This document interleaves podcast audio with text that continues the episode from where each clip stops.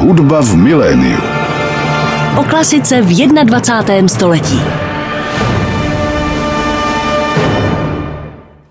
Milí posluchači, máte naladěno Rádio Klasik Praha a právě začíná další díl pořadu Hudba v miléniu. Mým dnešním hostem je muž, který spojuje ve své osobě profese ředitele orchestru a zároveň také aktivního hráče, trumpetisty.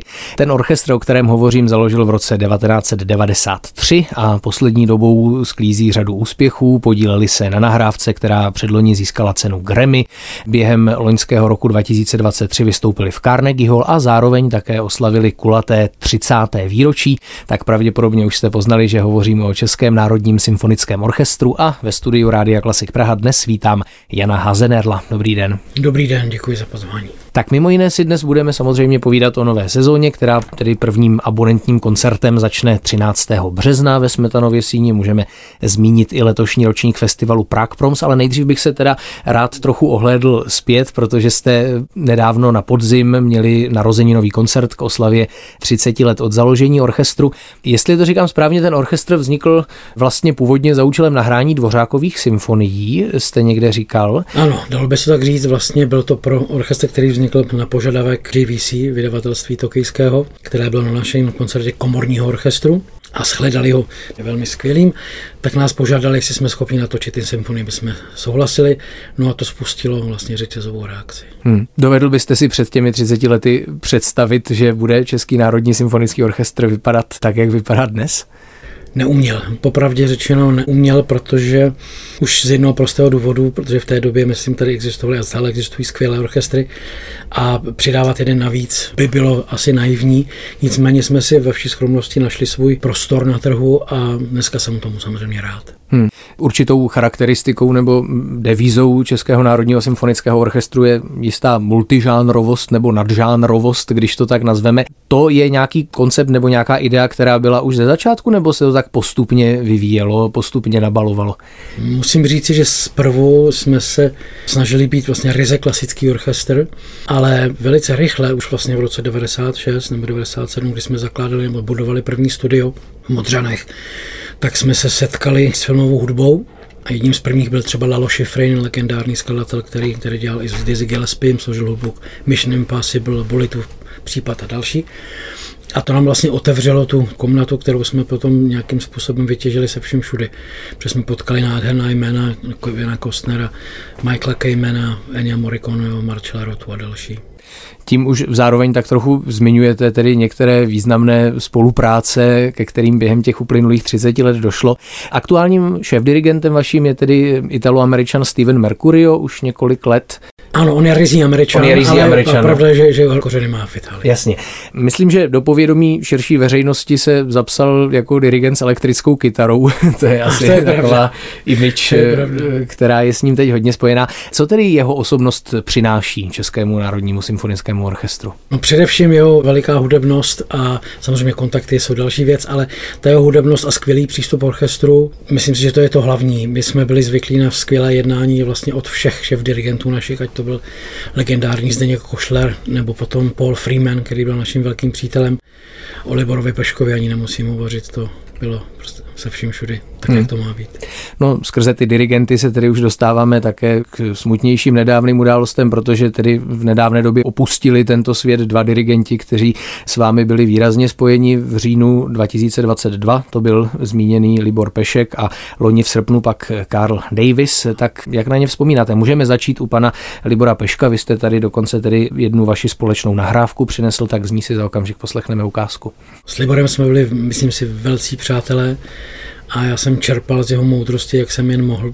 Samozřejmě jsme se viděli pouze na zkouškách, nebo možná během zájezdu jsme měli čas spolu posedět, bylo to krásný. A jeho přístup orchestru a k hudbě vůbec byl výjimečný se vším všudy. To, že jsme měli možnost s ním pracovat na Málerových symfoních, natočit všech deset, byl výjimečný počin, nejen podle mého názoru, a jak už jsem zmiňoval několikrát, Libor byl za ní velmi rád. Hmm. Zrovna ta nahrávka, kterou jste přinesl, je taková příhodná, protože je to tedy pátá symfonie Cismol, která navíc začíná tím slavným smutečním pochodem. Tak pojďme si teď s touto skladbou na dirigenta Libora Peška zavzpomínat. Libor Pešek řídí Český národní symfonický orchestr a hostem dnešního pořadu Hudba v miléniu je jeho ředitel Jan Haznerl. Posloucháte Radio Klasik Praha. Hostem dnešního pořadu Hudba v miléniu je ředitel Českého národního symfonického orchestru a trumpetista Jan Hazenerl. Teď jsme si připomenuli předloni už vlastně, protože to bylo v roce 2022 zesnulého skvělého českého dirigenta Libora Peška, který Český národní symfonický orchestr na nahrávce, která právě dozněla, dirigoval v první větě Málerovi páté symfonie. Jak vlastně vznikal celý ten komplet Mahlerových symfonií? To musel být určitě dlouhý a velice náročný projekt. Tak co to všechno obnášelo? No, obnášelo to především to, že jsme museli lehce obloudit producenty z Japonska, abychom je vtáhli do té finanční stránky. Co se týče té posloupnosti, tak my jsme začali právě pátým Mahlerem, který byl první natočený a zajímavé na tom je, že to byla live nahrávka, která se Japoncům zalíbila. Na základě toho přistoupili k tomu projektu s tím, že budeme točit jednu ročně. A my jsme vždy otvírali nový rok, lednový abonentní koncert, Malerovou symfonii. A Libor se právě smál, protože když jsme začínali točit, tak jemu bylo vlastně 73 a on se smál, že to nemůžeme dokončit prostě a dokončili jsme nejen to, a ještě jsme navíc udělali, myslím, pár sezon. Takže jsem za to i já šťastný. Hmm, hmm, dobře, že to vzniklo určitě. No a co se týče tedy dalšího dirigenta, který bohužel tedy zemřel v srpnu, jestli se nemýlím, to byl britský dirigent Carl Davis, který s vámi taky hodně spolupracoval, tak jaké bylo tedy to setkávání s ním? On vlastně, jestli to říkám správně, zemřel poměrně krátce před koncertem, který měl s vámi Přesně naplánovaný. Tak. Ano. Myslím, že šest týdnů před koncertem odešel mm. a odešel vlastně po večeři s rodinou, mm. což bylo úplně, ještě měl fotografii s celou rodinou, která se sešla a ta věc je velmi smutná, samozřejmě, když odejde člověk, na tím se nebudu teď nějakým způsobem rozplývat, ale on byl opravdu osobnost, která Brit, to znamená úplně, on byl narozený ve Spojených státech, ale žil vlastně 50 nebo 55 let žil v Londýně a ten jeho humor, to je věc, která nám chybět bude, chybí a myslím, to se týká Elibora Peška, protože jeho suchvelej, suchý humor byl úplně legendární a skvělý pro komunikaci s orchestrem. Carl Davis, filmový skladatel, klasický skladatel, vynikající aranžér a bavič. Hlavně, protože ten, co předvedl na pódiu, to už je podle mě neopakovatelné. Jeho, s, s ním prostě Beatles Night, Western Night, jeho filmové projekty, broadwayské projekty, které jsme s ním několikrát dělali, vždycky totálně vyprodaný. I pražské publikum vstávalo a pískalo, takže to prostě byly krásné zážitky. A já bych strašně rád jenom vzpomněl jedné skladby, protože když jsem já měl problém před asi osmi lety, tak on aranžoval jednu píseň od Beatles, která se jmenuje Long and Winding Road. A to jsem pro něj hrál já a měli jsme tomu tak vlastně, jsme to zopakovat na tom jeho posledním koncertě, který už nebyl. A pro ten mi napsal Imagine, tak to už jsem hrál potom sám. Mm-hmm.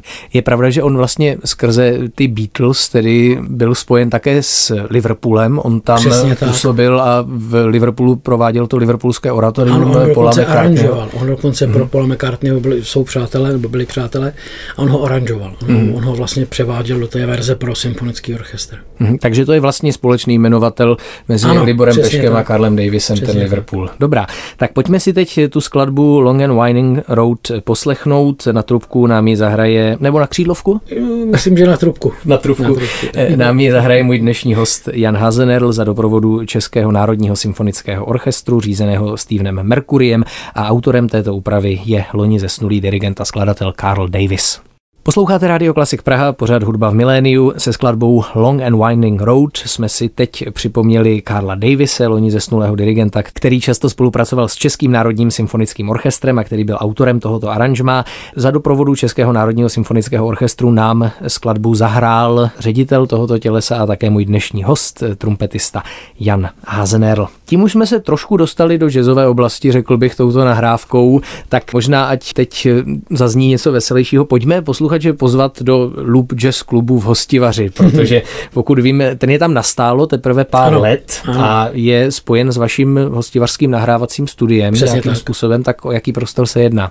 Je to bývalé kino Vltava, mm-hmm. které my jsme předělali po souhlasu s majitelem Univerzitou Karlovou a dali jsme mu, myslím si, takový docela hezký háv toho jazzového klubu se, i s osvětlením se vším všudy. Má vynikající akustiku, což neříkám jenom já, ale i hudebníci, kteří tam hráli, ať to byl třeba Erik Marienthal nebo jiní solisté. A my jsme na ten klub hrdí, samozřejmě dnes naplnit jazzový klub není úplně legrační, ale my se snažíme tam dělat koncerty jak s Big Bandem, tak s malými soubory.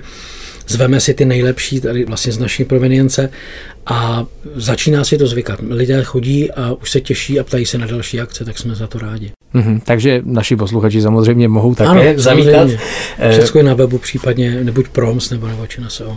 Já jsem v nějakém rozhovoru s vámi asi deset let starém právě četl, že jste hovořil o svém snu založit Big Band, tak dá se říct, že tedy ten Loop Jazz Orchestra je takovým naplněním toho vašeho snu. To je, já jsem první Big Band vlastně použil, to byl Old Stars Band ještě s Vladimírem Válkem a s Vencou Tifo s legendami, kdy jsme točili skvělé swingové věci, ale to už je přes 30 let. A potom následoval projekt, který se jmenoval Big Band svatého Blažeje. Mm-hmm. S tímto Big Bandem jsme spolupracovali velice významně s Krištofem Markem, dirigentem a aranžerem. Byla skvělá doba. Proč svatého Blažeje? Protože to je patron hráčů na dechové nástroje. St. Blaise Big Band se to Aha. jmenovalo. Byli jsme dokonce v Montre na festivalu, na začátku, myslím, milénia.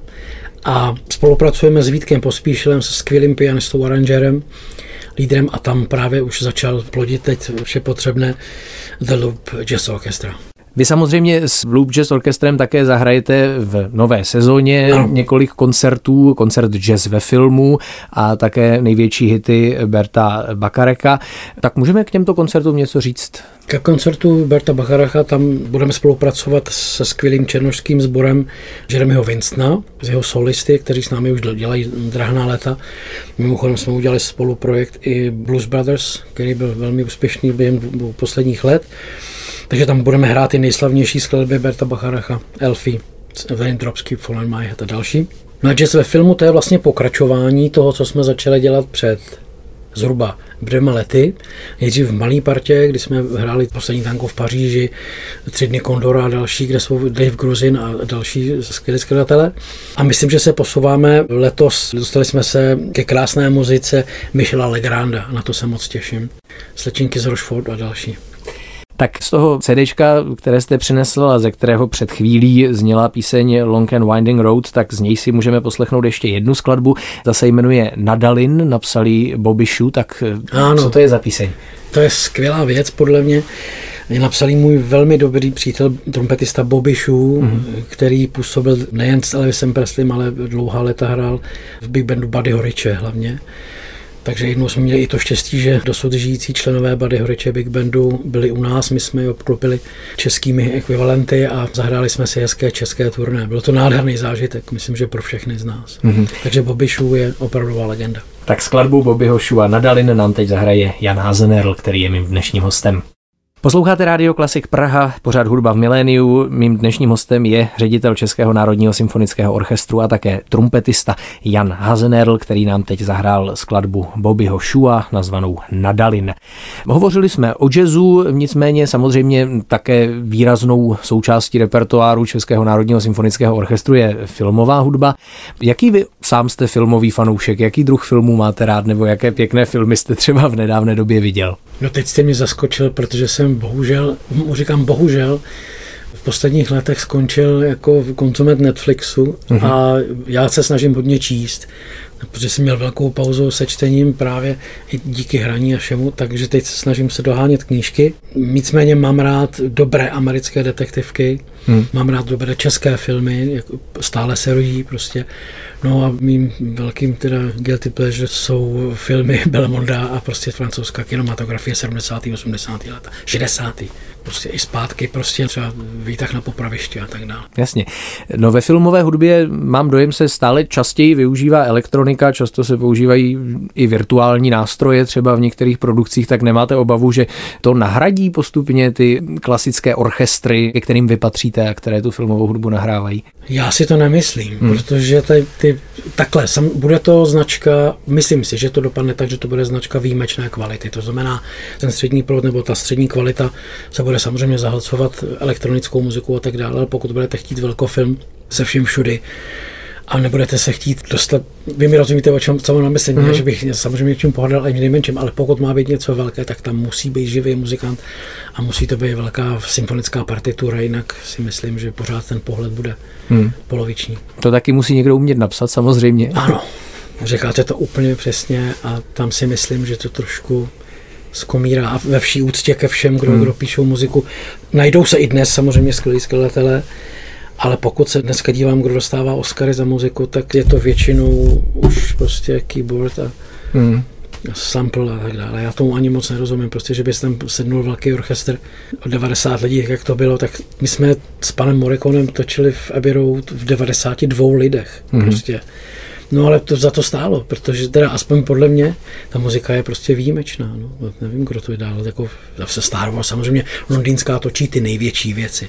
No a to jsou možná desítky filmů, nejsou to už ty, ty hmm. velký počty. No, je pravda, že o tom svědčí i obliba těch skladeb. Teď jsem zase viděl statistiku za loňský rok 2023, že John Williams byl nejhranějším žijícím autorem, takže asi to o něčem svědčí. Ano. Určitě, přesně tak. Vy jste mimochodem také loni vystoupili v rámci akce zvané Composers Summit Prague ve Smetanově síně obecního domu, kde svoje partitury osobně dirigovali mnozí světoví filmoví skladatelé. Bude to letos zase? Bude to letos zase, my se na to moc těšíme. Aleksandr Smutný je se mnou v kontaktu, připravujeme ten koncert na 18. dubna. Mm-hmm a bude to obdobné, jako to bylo loni, ale bude tam, loni byly dva koncerty, letos bude pouze jeden a ten další projekt se odehraje potom u nás ve studiu 21. dubna a tam bude vlastně takový velký workshop s těmi skladateli, kde si budou moct vlastně skládat tam přímo s naším orchestrem ve studiu. Každý hmm. bude mít určitý limit, je to velice zajímavý nápad. Myslíte účastníky Účast, ano, toho kurzu? Tak. Ano, ano, ano, ano jasně, tak, tak to je vynikající příležitost samozřejmě. Já, když jsem procházel různé třeba i starší rozhovory s vámi, tak jsem občas narazil na téma financí, náročnosti provozu orchestru, dokonce jsem narazil i na historky, jak jste zachraňoval vlastním majetkem některé koncerty.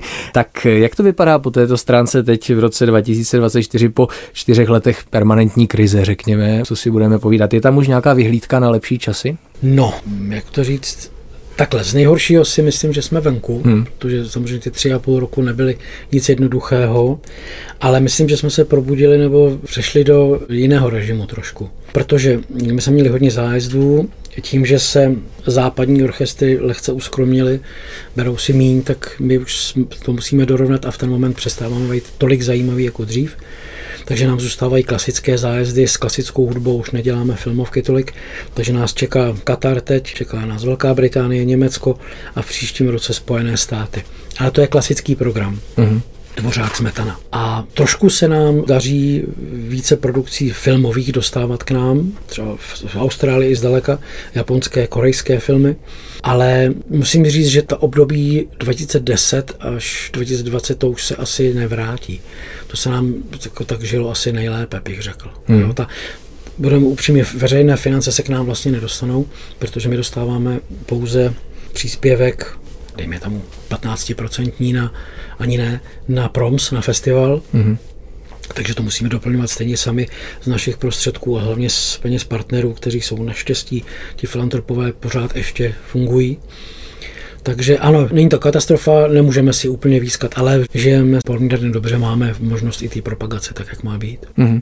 Říkal jste, že na zahraničních zájezdech hrajete letos Dvořáka Smetanu. Má to nějakou souvislost teď s tím rokem té české hudby, nebo o tom zahraničí vůbec nikdo neví? To je prostě. My jsme se s tím nesetkali, že by si toho někdo všiml, abych mm-hmm. řekl pravdu. Jo, jasně.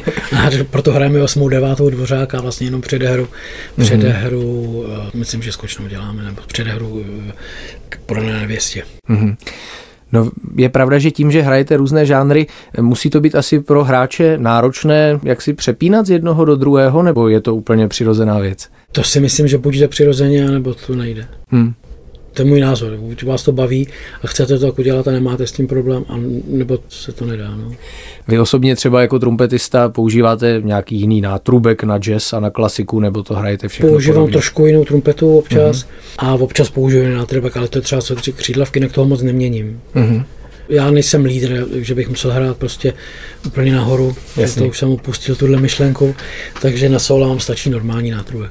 Takže loni v únoru, to znamená zhruba touto dobou, teď, kdy vysíláme tento pořad, jste byli na turné po Spojených státech, zmínil jste letos Velká Británie, tak co všechno tam navštívíte? 11 měst navštívíme, včetně Edinburgh, Londýn, jsme dole, jsme v Cardiffu, uh-huh. všechna velká města, s tím, že jsem Birmingham, tam je mhm. úžasná hala. A my se do Británie vracíme strašně moc rádi, protože jsme tam začali jezdit v roce 97 a tam jsme se podělili vlastně o, nebo respektive se u nás podělili dirigenti Paul Freeman a Libor Pešek, tam jsme se vlastně poznali. A byl to krásný český festival v Birminghamu, tam byl v té době to byla úplně nová hala, vypadá to Enterprise, úplně úžasná. A my jsme se tam potom vraceli každé tři roky.